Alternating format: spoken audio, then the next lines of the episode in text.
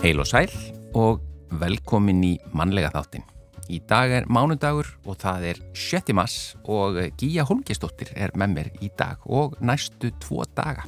Laka svo til að vera ánægilegt að vera hérna í mannlega þættinu. Já, mín er ánægja. Við byrjum að rifja upp hvað við gerst að þessum degi, 7. mass. Já, og við förum allt aftur til ásins 1857. Sex ver menn á leið frá Þingvöldum til Reykjavíkur örðu úti á þessum degi á Mósfells heiði. Átta komist þó af. Já, það er á þessum ástíma er bara endalusar því miður svona sögur í gegnum tíðina. Bæði af sjóslísum og einhverju, einhverju svona. En árið 1869 uh, Dimitri Mendeljev kynnti lótukerfið í fyrsta sinn. Og árið 1873 við vestra horn við söð-austurströnd Íslands fórust 15 franskar skútur og rak tugi líka á land. Margir frakkar voru jarðsettir á stafafelli í Lóni.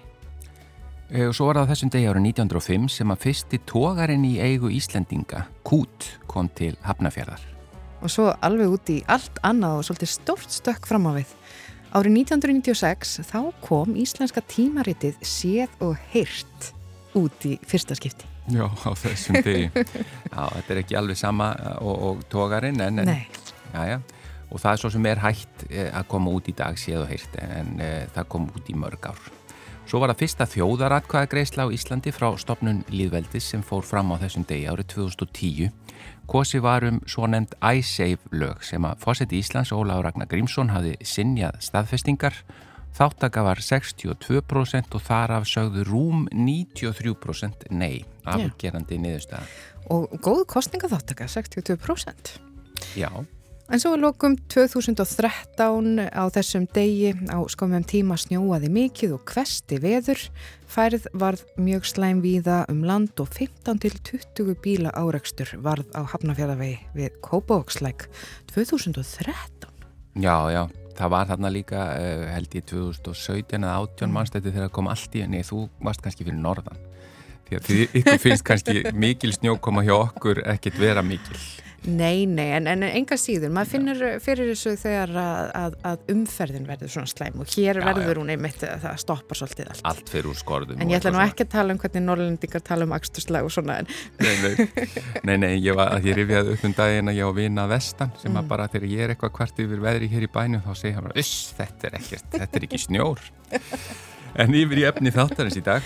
Já, við ætlum að forvittnast um fyrirtæki sem var stopnað árið 2018 á Djúpavogi.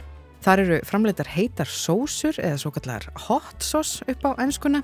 Það eru þau William Óðinn Lefíver og Greta Möll Sjámóestóttir sem standaði fyrirtækinu og sósa ár þeirra framleiðslu var fyrsta íslenska heita sósan til að koma á markað. Og síðan þá hefur vörunum fjölkað og starfseminn vaksið og við skreppum í heimsokn á djúbavokk til þeirra Óðins og Gretu í þættinum.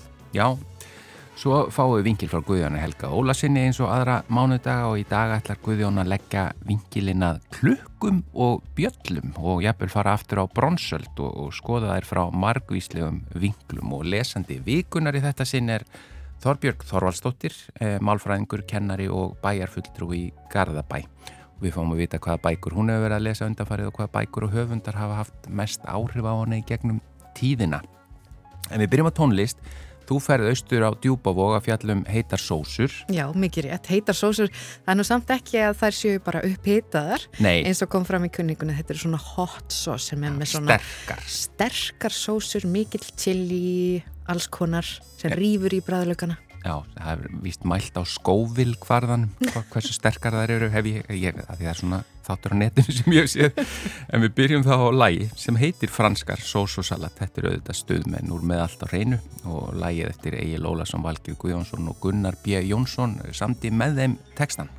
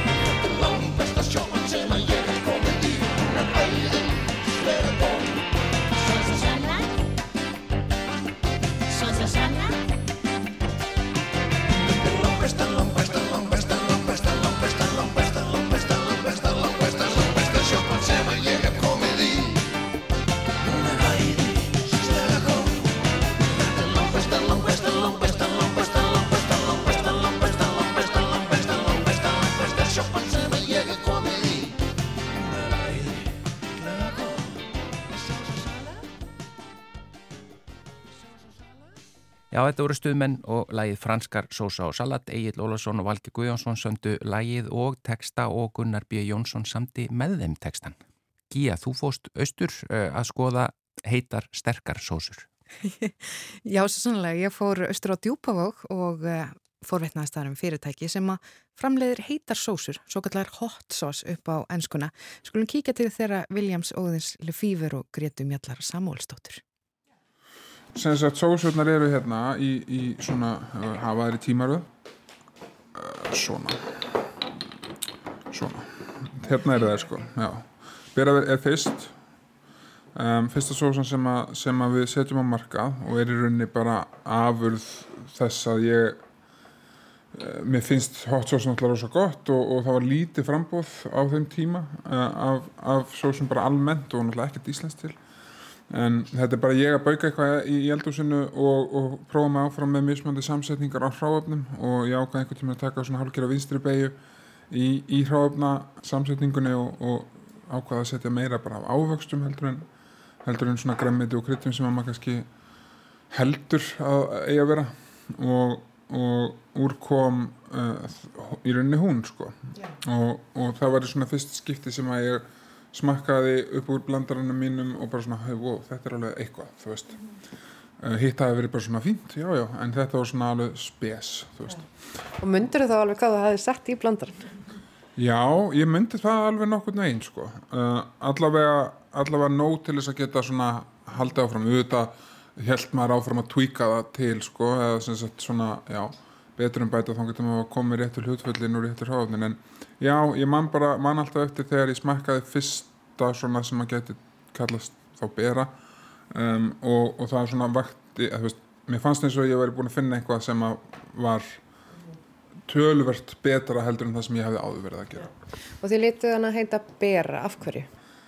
Eins og ég sá þetta og við sáum þetta þá er, allar okkar afurðir eru rosalega mikið afurðir östfjörða vegna þess að sko fyrir það fyrsta þá hefði þetta verkefni aldrei farið á stað nema fyrir um, uppbygginga sjóðu Östurlands og, og svona vilirði samfélagsins og, og hjálpsemi samfélagsins að að komast inn í, inn í votta framlýslu rými og, og svo framvegis. Og, þannig að okkur langaði til þess að fljóðlega kom þessi hugmynd að gefa sósunni nafn sem hafi tengslu við Östurland og þá, þá lág svona beint við við og við berið fyrir þú hefðum kynstaðins svona uh, sögu hérna, svæðisins að, að hérna úr því að djúbúar er við berið fjörð að hún tengi nafni bera Já. og tröllskessa sko og, og það líka var svolítið skemmtilegt að reyna af því að svo er þetta líka verður maður að fara aftur tilbaka í hugunum og hugsa sko muna það að þarna e, bæði aðstæðinar þá þetta var ekki til hot sauce á Íslandi, íslensk. Þannig að við vorum líka bara með eitthvað fyrirbæri sem við vissum ekkert hvort að myndi festa sig í sessi, alls ekki. Og þarna erum við að tala um að það var bara einn amerísk týpa sem fegst í kosti eða eitthvað þegar við flytjum heim. Já, nánast, sko. og þannig er aðeins að vaksa en, en bera sem sagt við vorum alveg að vinna með sko bara lefíversósa þú veist og bara sósa, sósan óðins og þú veist eitthvað svona hérna af því að við vorum ekkert vissum að það er einn önnur sósa uh, frá okkur. Og, og, þá eiginlega sko það var einmitt líka svo fyndið af því að nú heitir Óðinn sem sagt Lefíver, það er eftirnafni hans og hérna pappans sagt, kemur til Íslands frá bandaríkjónum með þetta nafn og, og það var eiginlega bara mjög seint í ferlinu sem við vorum eitthvað að fatta að nota það nafn sko, af því að það er nú alveg þetta tengið það við hitta Ég ætlaði að mynda að fara að segja að það er eiginlega hérna, mjög hendut að stopna svona hot sósu fyrirtæki og vera með eftirnafnuð við fýður. Jú, jú, það er svo sem sko, ég er náttúrulega, maður áða til að spá ekkert vola mikið í hvað maður heitir sko, og, en þetta var svona í línu við þetta að finna nöfn og þetta, þá sko, nafnað bera var komið, svo kom það ég að fara að stopna fyrirtæki og þá var bara ok, og líka sko náttúrulega, hérna, veist, með nafninu fyrirtækinu þá kemur, þú veist, vildum við setja það á flöskuna líka og þá þarf náttúrulega að vera nafn, þú veist hérna á fyrirtækinu og ég vissi ekkert hvað það var að heita. Og manna við vorum hérna ég var alveg strand, ég bara hérna, veit ekkert hvað ég láta það heita og var eitthvað tuða í greitu minnum þetta og eitthvað fúll. Og, og svo hérna horfur hann einhvern veginn á mig eða svona, allavega svona minningin. Og svona en óðinn, þú veist, þú heitir hiti og ég eitthvað, hæ lef fýver og ég eitthvað já. Og þú veist að því ég hafði aldrei einhvern veginn hérna, spáðið því sko. Og þá bara svona eiginlega stökkum við á það og, og hérna og ákvaðum að, að nýta það á að skýra fyrirtæki það og hafa það sem part af, af svona okkar útliti á okkar vörum En aðeins kannski, má ég aðeins hérna að svona bara að taka þessa hugmynd, maður er svona eitthvað að prófa sig heima í eldhúsi að búa til einhverju sósur, en svo er það að taka hugmyndina yfir á okkar framkvæmda stig mm -hmm. og fara inn í eina nýsköpun að geyra. Hefur þetta ferðalag um, verið, já, hvernig hefur þetta ferðalag verið? Það hefur verið krefjandi og óðinu þetta hefur tekið langmestan svona hérna hitan af því finnst mér. Við þetta í, meðfram þessu þetta eignuðist við sko tvö börn. Þannig að hérna kom einmitt eitt svona aðeins óvænt í, í lokin svona um nákvæmlega sama tíma og við vorum að, að fæða beru. Þá var að fæðast okkur þri, þriða barnið. Þannig að hérna óðin svona tók svolítið mest já bara hljópi gegnum skablana þú veist. Þetta eru þetta og, og allir öruglega smáframlegendur geta staðfest þetta og ég hef lært það bara með tengslanettinu sem ég og við höfum skapað okkur að, að þetta eru þetta er rosalegu skóli mm. og, og sem betur fyrr þá við meðfram þessu búið að stopna allir samtök smáframlegenda og við höfum kynst og, og blessunlega hérna, eignast bara vini í, í þessum geira sem að uh, hjálpa stað núna um, en maður var svolítið að, að já, hvað, hlaupi gegnum skablana bara og lenda á veggjónum og, og finna, þú veist, að fara og þetta er einmitt það sem að, að ég held að, að fólk fattar ekkert nema að hafa einhvern veginn prófað. Eða bara að, að koma hugmynd uh, af einhvers konar matvöru í hillu í búð. Mm. þetta, eru, þetta eru svona þúsund lítil skref og, og, mis, og svo srum reysastór um, bara það að, að veist, hvernig flöskur, af því að svo er líka það að, að vera eins og að vera fyrst í hotsósframlegandinni það var enginn búin að gera svona áður. Þá vissum við ekkert nákvæmlega hvernig flöskur, því að það eru ákveðna svona hotsósflöskur mm. og, og hvar fást þær? Og, og hvernig hérna ger maður þetta? Og, og svo bara, þú veist, hanna útleitt og svo eru limmiðar og svo eru Insig, og svo eru þetta alla aðferðina líka þú veist, vottuðu aðferðinar og, og hérna, þannig að þetta er, þetta er búið að vera ofsalega lærdumsrikt og skemmtilegt ferli um, sem að, að Óðinn hefur hvað mest svona tekið en, en, en ég einmitt hef svolítið fylst með stundum honum og, og einmitt bara verið gapandi yfir því að, veist, að einmitt taka eitthvað úr blandarnum heima og gera svo hvað, hvað gerur marga lítra já, í ein, einu upplægi það var, það var, voru alveg já, þetta er alveg rétt sem Greta segir það eru þúsund skref og, og hérna sem betur fyrr að þá hérna var ég ekki með þetta um 995 þegar þegar ég byrjaði því annars hef ég aldrei gert þetta. Það er bara satt sko. Þó að þetta sé rosalega skemmtilegt og, gaman og gefandi þá er þetta líka gríðilega krefjandi og, og hérna og sumt af þessu hreinlega er bara fullkomlega úþúlandi en, en hérna en En það er eins og með allt gott í lífinu sko, það verður að vera eitthvað glada til þess að vega på móti hinnu góða. Og svona erfitt líka. En, og, en það er bara einmitt hlutur eins og sko, það, það er volítið mál að, að, að búa til hot sauce í blandarnum heima á sér, þú veist, sem að gefa sex flöskur, en svo, svo hundrafaldar maður í skvittina. Mm -hmm. Hvernig skalast hlutinir. Yeah. Og, og það, eins og segi, það er engin handbók um, um þetta og, og það var bara fullt af, af hérna, Ég held ég að verið búin að vera í hvað, kannski þrjú ár og reynda límur svona ennþá á fjórað og fymta ári að, að, að svona, og sati hérna og var eitthvað að velta þessu fyrir mig pyrraður eða eitthvað svona gekk ekki upp eða eitthvað og bara eitthvað svona, hvernig ætla að koma svo dagur þar sem að ég hef svör við einhverju, bara einni spurningu sem ég hef í þessu. Það get bara svona, þú veist, já nei, ég er búin að gera þetta, þú veist, ég þarf ekki núna að fara og ringa einhver símtal og vera eins og auðvitað sem veit ekki neitt við einhver, þú veist, sem er að reykja einhver apparat út í bæ eða, eða einhverja stopnun upp á einhver leif og eitthvað, það sem ég ringi eitthvað, já, heyrðu, ég er að reyna ég veit ekki alveg hvað ég á að gera. Ég var, ég var stund alveg komið upp í kók á ég veit ekkert hvað ég var að gera. Þrjú ára af þessu hnóði, fullt af vörum, veist, þúsundir viðskiptavinna og ég veit ekkert hvað ég er að gera. Skilur, það, það, það er, veist, ég segi þetta í gríni, En, en ég var svona, ég manni satt hérna og var veltað fyrir mig bara hvenar ætli ég svona nokkur neginn viti hvað ég þurfa að gera í þessu? Þú veist, af því að, af því að maður er alltaf að reyka sig á áskorunir eða finna uh, eða þurfa að finna lausn á vandamálum. En, en ég held samt sko uh, svona þrátt fyrir að þetta töðmi þá held ég samt að, að part ástæðan fyrir því að maður finnst þetta skemmtilegt er vegna þess að maður er maður þarf, maður er alltaf að leysa vandamál. Og það er gaman að finna lausn á vandamáli alveg sjálfur að þetta er, engin, er ekkert mót, það er engin leifinninga, það hefur engin gert það sem við erum að gera áður. Veist, þannig að ég er svona með líu stundum eins og ég sé svona að ja, ég er oft bara að, að finna lausn á vandamálum sem að, sem að engin annar hefur fundið lausn á áður og það, það er alveg pingu velennandi og ég segi ég, þá er ég alltaf að tala um við þetta. Er náttúrulega ég og Greta, ég erum alltaf að leysa þessi vandamál saman. sko, Það sem er svo gaman við þetta er að, að það er akkurat samt máli núna, er að svo eru við núna bara að leiðbeina öðrum Já. líka. Og, og núna er emmitt líka komið bara eins og samtöksmáframlegenda sem er emmitt að leysa þessi vandamál hjálpa fólki og leiða fólki gegnum þessi fyrstu skref sem við emmitt upplöfum svo vel að þurfa að gera sjálf en eitt gott dæmi um þetta til dæmis er svona, bara svona basic hlutur. Uh, Melabúðin var bara fyrsta verslunin og frúlauga, minni mig, mm. hafi verið sem að tóka okkur inn. Og, og við hérna sendum í melabúðina bara því líka þú veist, ég menn því líkur áfangi að vera að koma með vöru og svo bara melabúðin, flott, bara geggjubúð.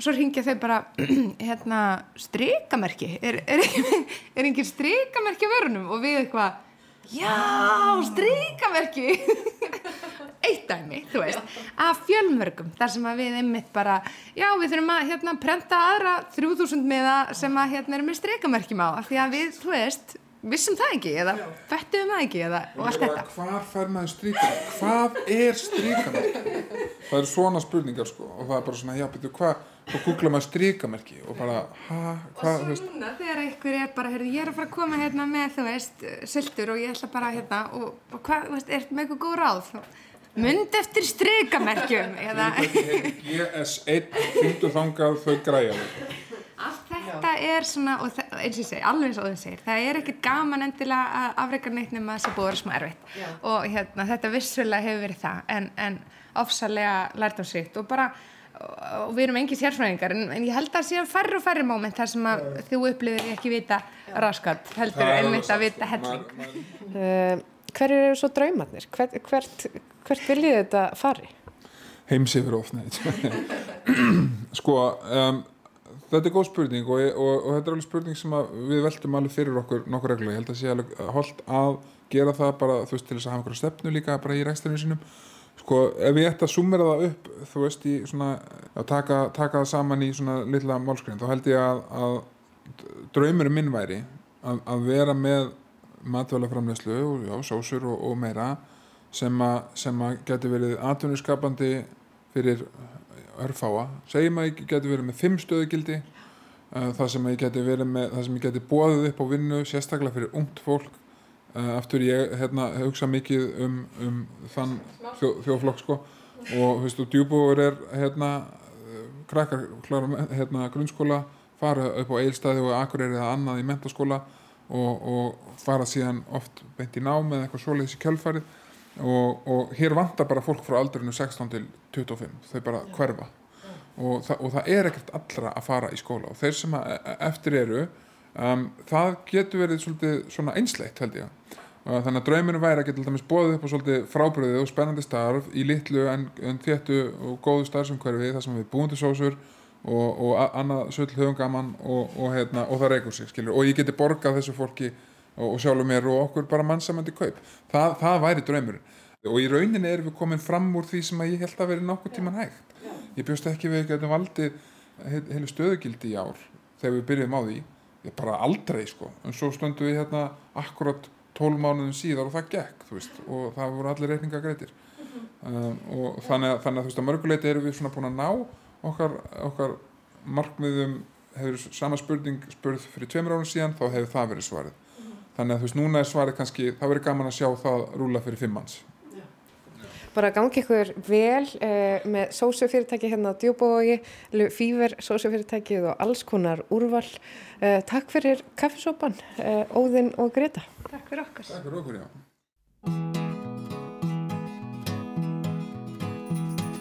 Kjallegur og tíminn lækna sár Eitt ári tímans hafi hundrað ár Við erum vinir þú og ég og við örkum veg Þú og ég, þú og ég, þú og ég Hamingjan er fyrir handan horn. Hún liggur þar og býður stund að korn. Og við röltum, þú og ég, öðru kóru hennar veg Þú og ég, þú og ég, þú og ég Eitt er víst og yngur fær því breytt. Að þú og ég við erum yfirleitt alveg eins og ver og ver alveg sama hvernig fer. Þú og ég, þú og ég, þú og ég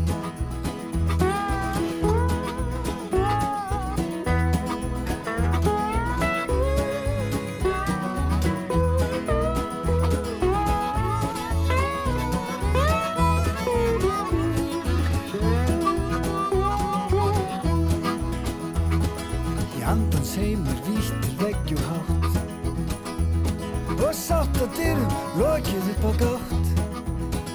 Týndu sögðir, týnast heim Teknir opnum höndum tveim Hönd í hönd, saman við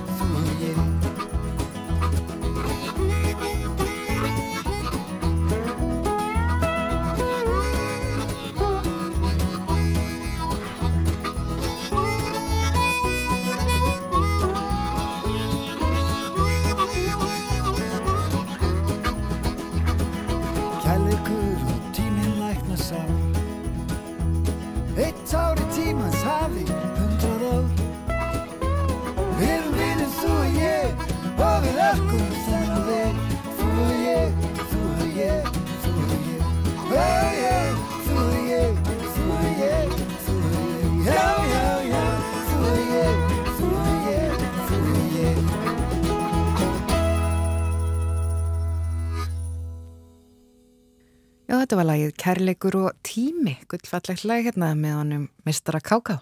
Já, e, nú er komið að vingli frá Guðjóni Helga Ólafsinni. Ágætu hlustendur, ég byðst forláts á mínum ráma málrómi sem stafa nú vonandi ekki af öðru en kvefi. Um daginn var ég að veltaði fyrir mér hvenar klukkur eru bjöllur og hvenar fatnaður og hvort bjöllur geti verið klukkur. Ég eh, hugsaði töluvert um þetta sunnudagsmorguninn fyrir skömmu síðan, en við förum nú betur yfir það á eftir. Það er langt síðan mannkindin fór að klingja bjöllum sér til skemmtunar og þær elstu hafa sennilega verið úr leir, eins og svo sem fannst við fordlega uppgröft þar sem heitir Mia Digu í San Men gljúbrunum í Henan í Kína. Hún var rétt rúmir 9 cm á hæð og um 5 cm í þvermál þar sem hún er breyðust og með handfangi upp úr lokaða endanum. Til að festa kólfin í bjölluna voru tvö göð andspænis við botnin að við pinna eða auksli verið komið þar fyrir og kólfur festur á miðju hans. Fólkið sem klingdi þeirri bjöllu tilherði svo kalladri Yang Shao menningu og var uppi á ný steinöld. En bjallan er talin vera á milli þrjú og fjögur þúsund ára gömul. Aðeins yngri en Mia Digu lerbjöllurnar eru koparbjöllur sem fundist hafa við uppgröft fordleifa í Kína, búnar til með því að fletja út koparmóla með einhvers konar ásláttarverkfærum, þanga til komin var þunn plata og bjallan síðan mótuð úr henni. Koparbjöllurnar hafa bæði fundist með kolvi sem festur var inn í þær, eins og leirbjöllurnar, en líka hafa fundist bjöllur sem klingt var með því að slá þær utanvert. Næstu fréttir úr bjöllubransanum tengjast upphafi bronsaldar.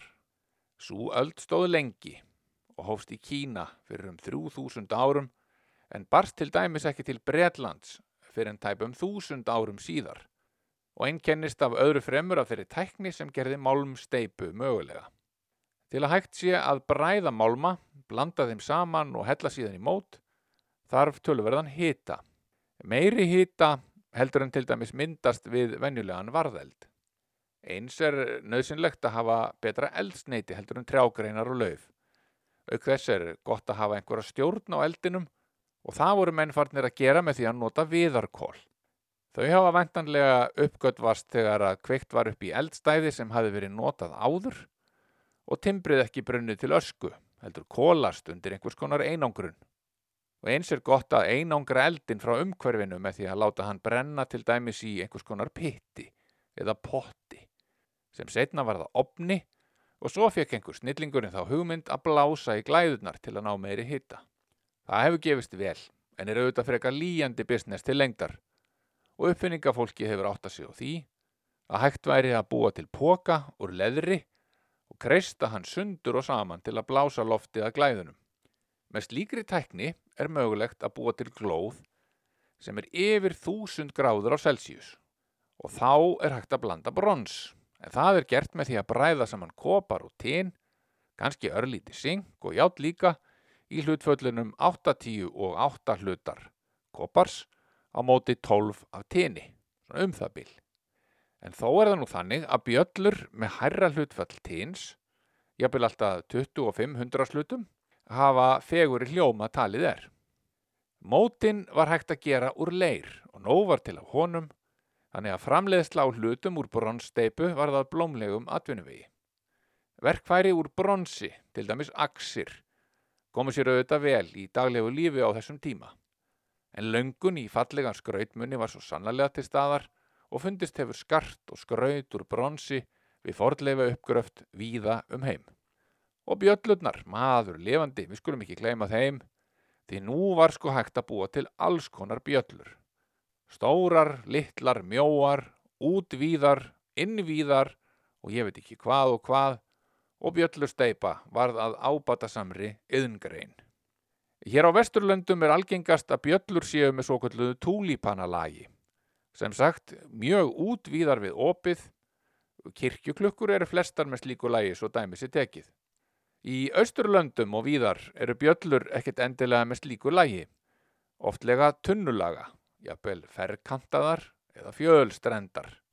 Túlípanalagið er vist ekki bara tilviljun, heldur er sá hluti hennar sem myndar hljóminn og er rétt innan við opið, nokkus konar hljómgjörð, þá orðin frekar stór og mjóri hlutin þar fyrir ofan, ef ég skil málið rétt, varpar svo hljóðinu af miklum krafti til þeirra sem heyra vilja.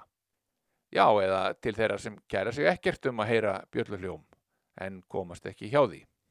Ég dætti þann pitt að kynna mér hvernig hljómur í bjöllum er stiltur, en eftir að hafa svamlað þar í tölverðar stund, ákvað ég að það væri vond útvarp og sleppi því að útskýra hugtökin hum, prime, tiers, quint og nominal fyrir hlustendum en lýsi því yfir án ábyrðar að bjöllugerðar fólk þurfi að kunna þá list að hanna klukkur sínar með hinn innri hljóm til hliðsjónar og síðan er hægt að fínstilla þær með til dæmis tónsbrotum og því að setja bjöllutnar á láréttan rennibekk og skafa innan úr þeim efnið með rennistálum þar til hinnum hreina og fagra tóni er náð. Við látum það bara duga sinni. Hér á Íslandi er til urmull af alls konar bjöllum og klukkum. Ég gerir til dæmis ráð fyrir að kirkjurlandsins hafi flestar klukku. Allavega eina og sumarjabel fleiri, eins og til dæmis Hallgrímskirkja sem eru þrjár, auka kluknaspilsins og ég stendst ekki mátið að lesa fyrir ykkur eftirfarandi teksta af heimasíðu þeirrar ágætu kirkju.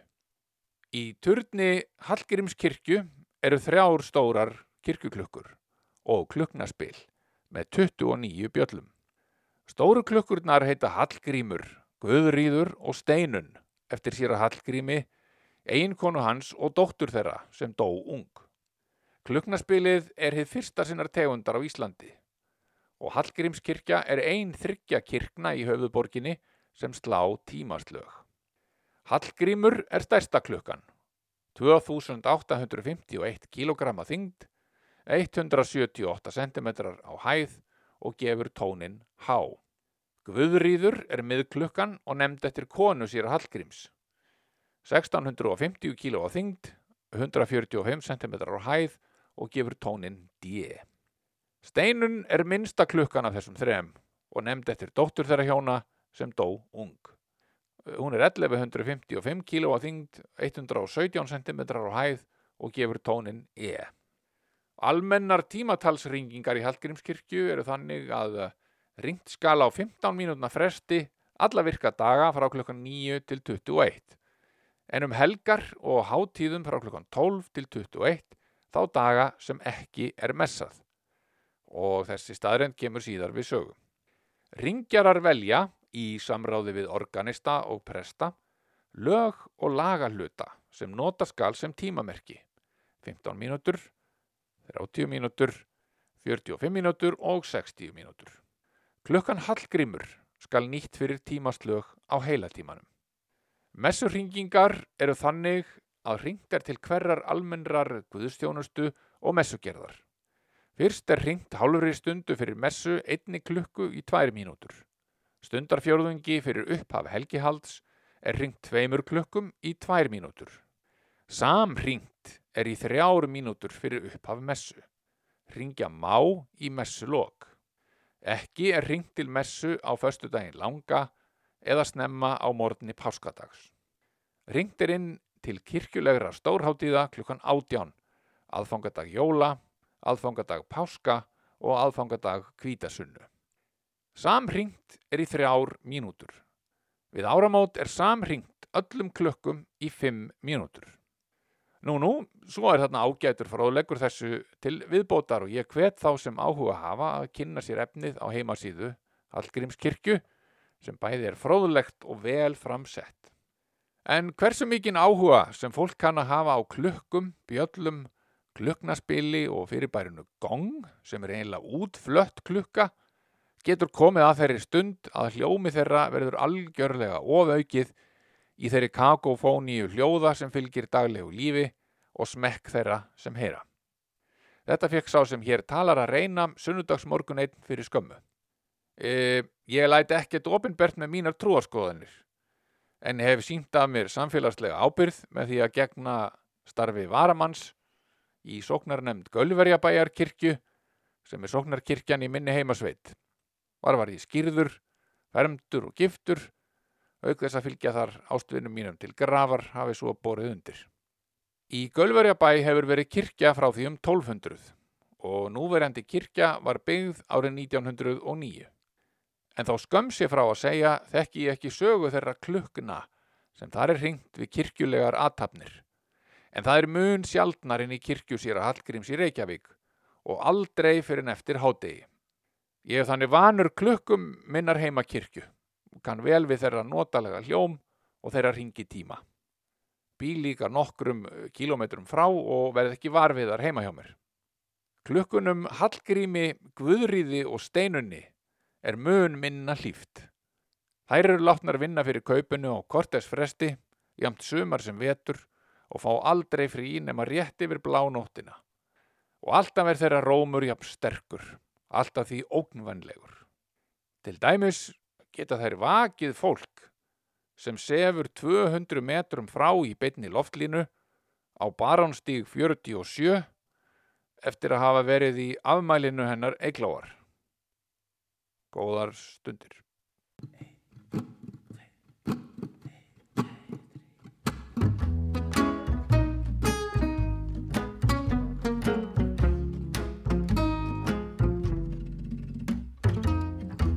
Er í sólarringnum við. Ég kúpla út í leitað frið Ég fer af stað nema nema hvað. Að finna logn í hver vil bygg Rótínan hún tæmdi mig. Öll ábyrðinn og flækjustig. Og er það frá fúsa liggur á Og loksu silt á hennu mig. Sólin er komin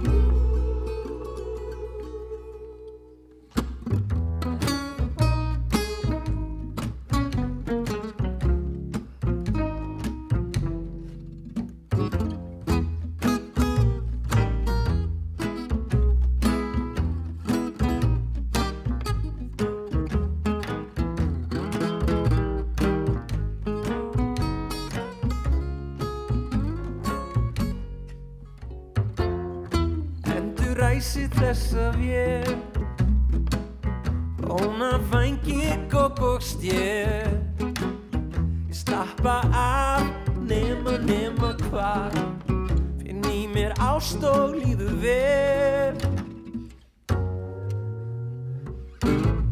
Já, sólin er komin Og hún hleður mig.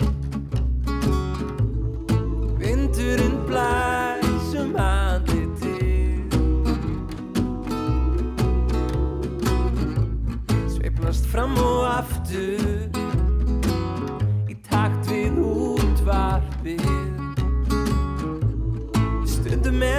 gott að vera til. Já, sólin er komin og hún hliður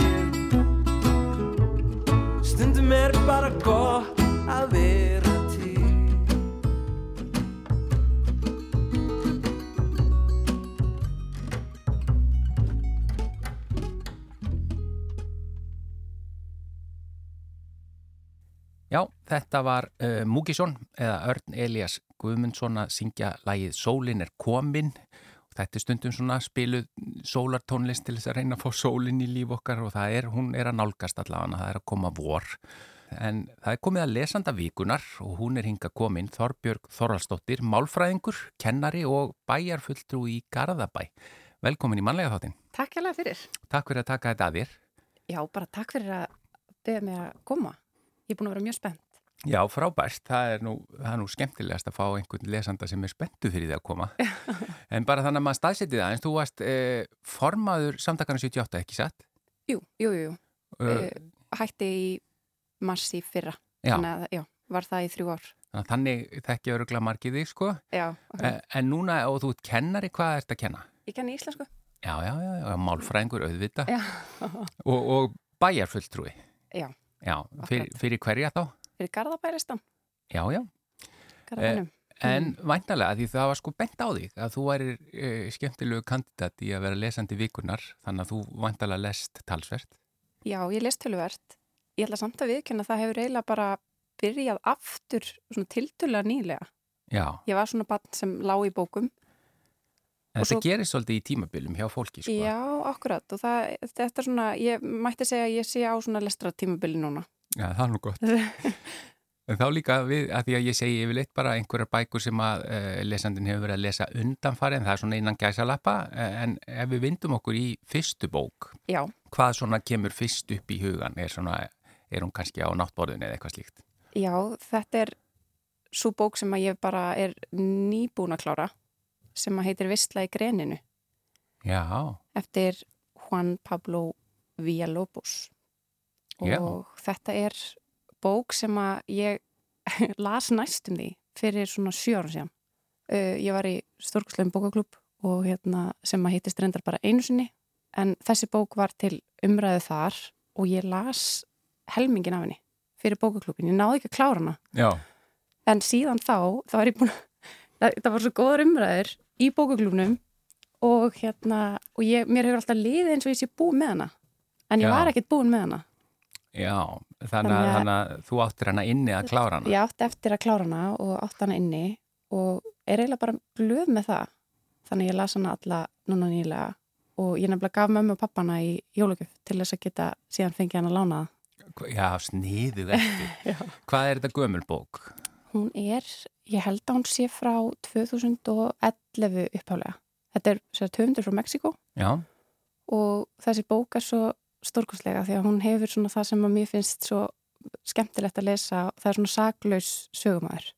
já, hvað áttu við með saklaus sögumöður? Í þessu tilviki þá er það, e, er þetta bann sem, sem að segja frá og, og þetta er bann sem að býr með föðu sínum og hérna og genginu hans í raun og veru e, í einhverju höll í Mexiko. Hann er, þess að pappans er svona eiturlifja barun. Já, þannig að maður sér tann heim í gegnum bassaugun. Já, sem að gera þessa bók bæði alveg ótrúlega fyndna en líka ótrúlega sorglega. Af því að barnið þetta býr við algjörlega óviðunandi aðstæður Já, og er að reyna að átta sig á því veist, hve- hvernig fólk deyr og af hverju það hverfur og, og svona og ímislegt og það er ímis dýr heima hjá þeim og hann fær allt sem hann langar í mhm, þannig að það er farið í ferð til þess að sækja dvergflóðhesta frá Líberíu já, eins og bara gerist hjá Já. venjulegum fjölskyldum. eins og eðlilegt er Já. og allir á fölskum skilríkjum og eitthvað svona þannig að þetta er, en þetta er alveg stórkvæslega góð bók Hva- Hvað er barni gamalt? það kemur ekki fram Já, en út frá frásögninni finnst mér hann kannski vera svona sjöra já, hann er alveg það lítill. já, hann er alveg lítill já. Vá, þetta er áhugaverður heimur að skiknast inn í út frá þessu sjónarhafni. akkurat, mér finnst oft ég hef mjög gaman að sögum og, og bókum sem eru eru svona. Já, er þetta, veistu hvort þetta sé byggt á einhverju raunverulegu eða, mm, nei, ég veit ekki. En hún hefur allan að náð til þín. já, hún gerir það. Já, og ég er bara mjög glöð að hafa, hafa loksins lokið við hana. Vegna að ég er búin að vera að mæla með henni út um allan bæ eftir að hafa lesið helmingin já, en og, það, hún er þannig, að hún grípur mann bara á fyrstu blaðsjónum uh, og stílinn er bara þannig og, og og greinlega, þýðingin algjörlega frábær já, veistu hver þýðir? ég man það ekki, nei Nei. Ég skal koma staði og setja það í undir fæsluna með þættinum. endilega, endilega Hvaða bók kemur næst upp í hugan? næst kemur upp í hugan bókin Rhythm of War Mm. eftir Brandon Sanderson þetta er svona háfantasía Já, uh, ég er mjög hrifin af þannig bókmyndum já, sem er, er þá í rauninni fantasía, eh, er þetta þá einhvers konar vísindaskáltsaga eða hvað? Já, eða þetta er ekki, það, það er í raun og verið búin til heimur, uh, höfundu býr til heim sem er ekkert eins og, eins og okkar heimur og, Mm. það er sögusviðið. og hverslas heimur er þetta? Þetta er, þetta er svona, Vá, ég, ég get eiginlega ekki líst þessari bók á þess að hljóma eins og ég sé algjörlega ruggluð. Ég hef stundum reynd að útskýra þetta fyrir konu minni. Um, en þetta er heimur þar sem að til dæmis að uh, gimsteinar fyllast af orku þegar það kemur stormur Já, og það er ákveðið fólk í þessum heimi sem að getur uh, sogað orkuna úr steinunum og öðlast þannig ofurkrafta og það eru svona tvær, tveir stopnar fólks á, á eitthvað nátt sem hvoru þessi stopnir eins og, eins og mannfólk er í alvörunni og, og er að berjast um yfiráð og það er mikil, hérna, mikli bardagar og, og svo leiðist. en er þetta þá einhvað eh, segja, sem kallast á við okkar heim þó þetta sé ekki okkar heimur? Já, já, það er auðvitað bara svona valdabarátta og, og, hérna, og bara og þau hafa náttúrulega mannlega eiginleika þetta fólk og Já. personar eru mjög vel skrifaðar og það sem ég kann vel við í bókum Brandon Sanderson er að það eru mjög góðar kvennpersonur sem eru oft ekki í, í þessum fantasíu bókmyndum. Já, en það eru sem sagt kynjaðar personur eins og Þær bara eru kynjar, já. Já. Já, þetta eru skemmtilega bækur en þetta er fjóruða bókin í, í langri serju og það hendar mér oft mjög vel að lesa bækur sem eru mjög langar Já, vegna þess að ég get verið svo ég verð oft svo óþölum á þegar ég les stittri bækur og, og vaki fram eftir og klára þær mm. uh, en ég hef ekkert neina ekki tök á því með, með svona langa bækur þá veit ég að ég mun aldrei klára hana. Ég mun ekki klára hana þótt að ég lesi alla nóttina. Já, já, þannig að hérna, þá kann ég mér hófu og fyrir að sofa nú að snemma. Já, já, þannig að það er einhvers konar skinnsemi í þessu. já það er ákveðin skinn sem ég Já, en það er líka kannski með, að því ég þannig að ef að bækur eru góðar þá er ég alltaf hálf full þegar það er klárast. já, sammála því, já, Þannig að þú ert að framlengja þessu, í raun og veru þannig að svona serjur henda mér mjög vel. Ég hef mjög gaman að þeim áhugavert. Eh, Næsta bók? Já, það eru Sjö systur eftir Lucinda Riley. Mm. Þetta eru, þetta er bókaflokkur sem hefur verið ansi vinsæl. Það voru nokkru vinnir sem bentu mér á, hann- á, á þar Mm. uh, sem var til að ég las fyrstu bókina og þær eru, þetta eru, sko sjö bækur eru komnar út Já, uh, og það er ein bók um hverja systur uh, og þetta fjallar um konur á, sem eru milli 20 og 30, þær eru systur að því leita þær voru allar ættleitar og allast upp á sjálfsög sem systur, allar ættleitar á samanmanninum úr ólíkum heimsornum og í upphafi fyrstu bókarinn þá koma þær saman og hann skilur vegna þess að hann er sett, faðurinn er látin og hann hefur skilið eftir vísbendingar um uppruna hverjar og einnar þannig að hver og einn bók er raun og veru leitin að upprunanum fyrir hverja systur uh, þar sem við fáum líka einsýn í líf forfeðra þessara kvenna. já, þaðan sem það er í raun og veru koma. Já, En hva, hvað er sögusvið, hvaða land er það? uh, þær eru upphaflega þá eru þær í, þær eru í Sviss Já. uh, og allast þar upp. En koma hvaðan af að? Þær koma, já, frá Brasilíu og hérna Noregi og Ástralíu og svona. Áhugavert. Og það sem mér finnst svo skemmtilegt við þessar bækur er að ég get alveg tapa mér einmitt í uh, frásögnunum frá fyrri tímum Já, af því að höfundurinn fer svolítið svona langt aftur í tíman og þetta er kannski ömmur eða langömmur eða eh, veist, eitthvað svona sem er verið að segja frá og hérna og svona fléttar saman við ymsa stórviðbörði í heimsögni og, og þetta, já, þetta er bara þetta er svona, ég myndi segja þetta að vera svona ljúflestur en þetta er mjög góð aftreng. En ef við förum núna eh, bara aftur, ef þú mátt fara eins langt aftur í tíman eins og þú vilt, eh, Ok. hvaða svona bækur eh, og eða höfundar svona sita alveg í þér, þar að segja hafa haft mest áhrif á þig í gegnum tíðina? Ég held, eins langt aftur Já, þú bara ræður. Ok, ég, þegar ég var krakki þá náðu sossubækurnar eftir Magnið frá Kleifum mér gjörsamlega Já, fjalla um, um stúlku í íslensku sveit í upphafi 20. og það er, þetta er kannski eitthvað sem að einkennir minn bókmyndasmekki. Ég hef mjög gaman að svona sögulegum skáldsögum og hérna, og það var alveg, ég var mjög, mjög hrifin að þessum bókum og flottur karakter, uh, hún Sossa. Já, og svo er það þagnabindindi eftir Höllu Þorlegu Óskarsdóttur. Þetta er svona ljóðasaga sem Mm. að kom út fyrir ekkert svo lengur síðan, kannski tvö ár síðan eitthvað slags. Og hún hefur haft mikil áhrif á mig og þetta er bók sem að ég les oft í og, og hefur einhvern veginn, já, náði til mín. Það voru svo mikið, það er svona fjallað um sorg í henni og um ást og móður hlutverki og missi og þetta er einhvern veginn, já, bara eiginlega alveg stórfengli bók sem ég mælu með alla. Já, Halla Þórlaug var auðvitað, vann hérna Jú, eh, á akkurat. rásitt. Akkurat. Já, gaman.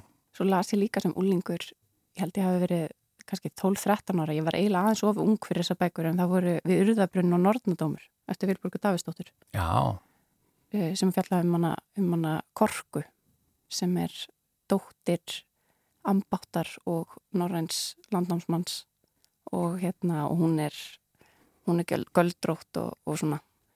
Hmm. Áhugavert. Eh, þakkaði kælega fyrir Þorbjörg Þorvaldsdóttir fyrir að vera lesandi vikunar í þetta sinn. Eh, bara takk innilega fyrir. Takk fyrir kjærlega. Þættinum er bara lokið í dag. Við þökkum innilega fyrir samfélgina og verðum hér auðvita aftur á sama tíma á morgun. Veriði sæl.